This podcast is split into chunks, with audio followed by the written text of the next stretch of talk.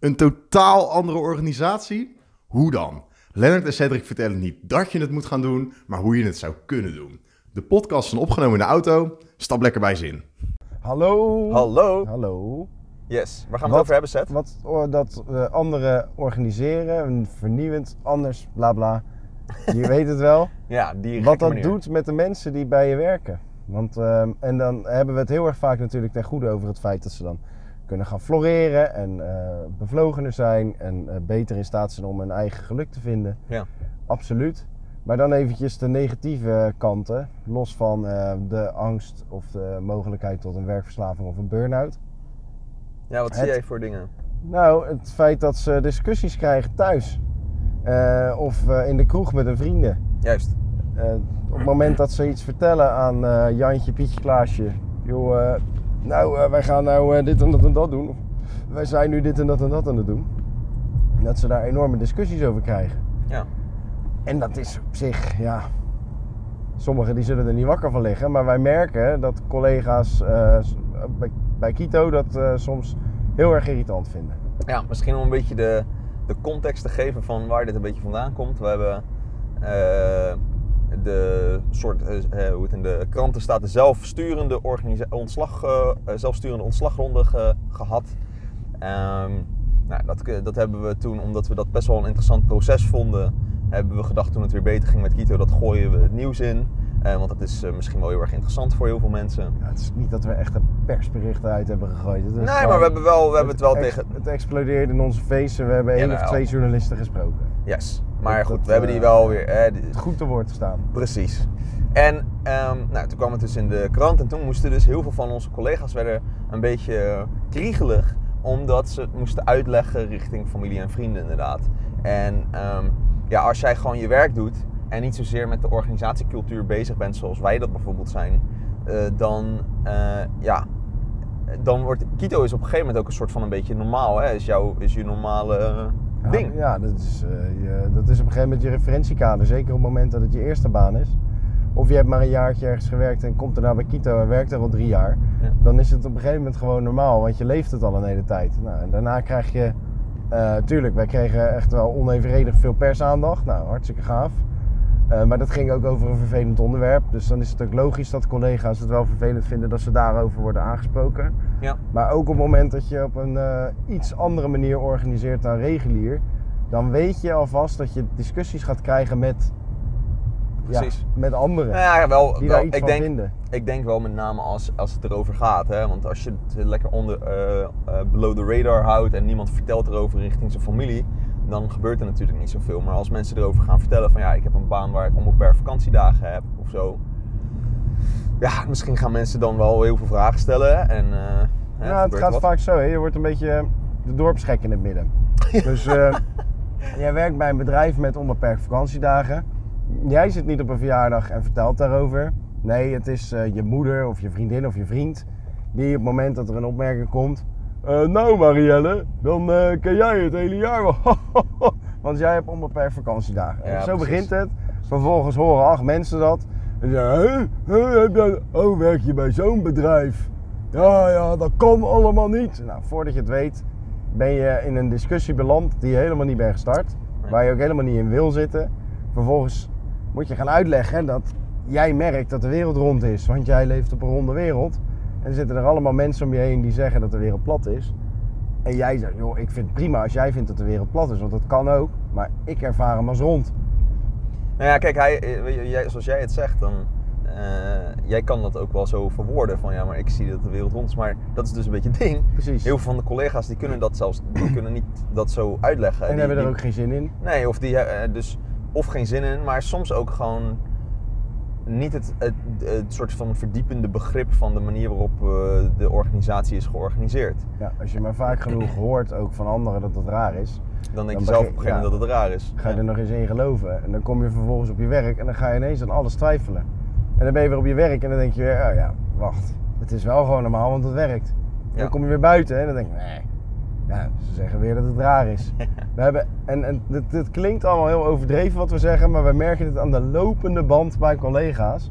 Nou zijn wij misschien ook wel een extreem voorbeeld, omdat we veel die publiciteit komen. Maar wij merken het ook bij collega's van klanten. En, eh, en bij directeurs van Ja. eh, bedrijven waar wij voor werken zelf. Vooral bij de directeurs trouwens. Ja, dus dat, hè, om dat ook nog een beetje een soort van dan eh, te proberen te voorkomen, of in ieder geval daarin te voorzien, is toch regelmatig dat gesprek blijven houden met z'n allen van waarom doen we wat we doen, Eh, waarom is het belangrijk dat je er begrip van hebt, ook omdat je het dan uiteraard kan uitleggen naar anderen, maar ook gewoon omdat ze dan zelf beter voelen waarom het werkt en niet en eh, wat het what's in it for them, weet je wel. Ja. En eh, ja, dat gesprek moet je dus continu hebben. Dus ook zelfs al, eh, zelfs collega's bij Kito die er nu al weet ik het hoe lang zitten en het echt wel begrijpen, moeten we nog steeds af en toe even die herhaalslag van waarom doen we dit ook alweer? Gewoon zo even dat lekkere gevoel erin. Want ja, als je een negatieve slag naar negatieve slag, dan moet je die positieve kant natuurlijk ook wel echt 20.000 keer horen. Want anders dan eh, zie je alleen maar het negatieve. Precies. Nou ja, voorbeeld. Wij, hadden, eh, wij hebben er zelf natuurlijk ook wel eens moeite mee. Hè. We hadden, Zeker. Een tijd geleden hadden we een Japke D aan de telefoon van het NRC. eh, journalisten. nou, wel bespraakt, maar ook goed, goed belezen. Hè. Die eh, weet er echt wel wat van. En die begon het gesprek ook met nou, ik heb wel mijn mening. En die was duidelijk niet positief. En aan het einde van het gesprek is niet per se dat ze het met ons eens was. Maar zei ze wel, nou, ik begrijp het in ieder geval. Maar op het moment dat je een eh, scherp, eh, kritisch iemand tegenover je hebt en die stelt allemaal moeilijke vragen, dan is het best lastig om gewoon heel steady de antwoorden te geven. Nou, wij zijn daartoe in staat, maar dat is lang niet voor iedereen. En wat je nu merkt is dat er ook collega's zijn eh, waarvan de vaders eh, daar best wel veel mening over hebben. Ik weet niet waarom, maar dat, is, Oh. dat, dat blijkt vaak het geval. Ja. Eh, waarbij er onlangs eh een vader tegen een collega heeft gezegd, die had het boek gelezen en die zei, joh, eigenlijk, ik vond het heel lang raar. Maar nu denk ik gewoon, jullie zijn je tijd ver vooruit. Wat leuk allemaal. Nou, dat is ideaal. Die Ja. collega is gewoon gedekt, weet je wel. Die heeft het boek ook echt cadeau gedaan aan de vader. Zo van lezen maar. Ja, en de eh, andere vader die, eh, die, die, die vindt het heel erg leuk dat zijn zoon bij Kita werkt.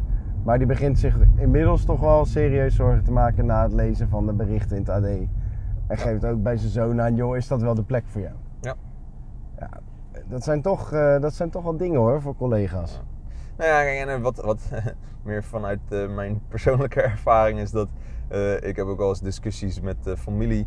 En ehm, dan vertel ik bijvoorbeeld over dingen als eh, de sentiments app. En de mensen worden dan ook, eh, ze- ook mijn familie wordt dan soms gewoon echt letterlijk boos. Ja, erg boos. En dat is heel, Ja, dat heel is- raar, denk Ja. ik dan. Maar dan, ja, omdat, het, omdat ze het bepaal, op bepaalde dingen toch ehm, Op zichzelf nou ja, denken, projecteren. ja, op zichzelf projecteren of denken dat het dan onmenselijk of iets dergelijks is. Maar goed, als collega's bijvoorbeeld iets als een sentiments-app zelf verzinnen, hoe onmenselijk is het dan hè, om het dan Mhm. da- daadwerkelijk in te voeren? Maar goed, dat, dat is dan best wel lastig ook. Hè, zelfs voor, ook voor iemand als ik ook lastig om in te, weet je, of om dat goed dan uit te leggen en daar goed de tijd voor te nemen. Want vaak zit je toch in zo'n familiesetting, heb je misschien maar vijf of tien minuten om eventjes je ding uit te leggen. En daarna is het dan weer klaar, weet Ja. je wel. Of dan, gaat de, eh, dan komt opeens de taart, weet je.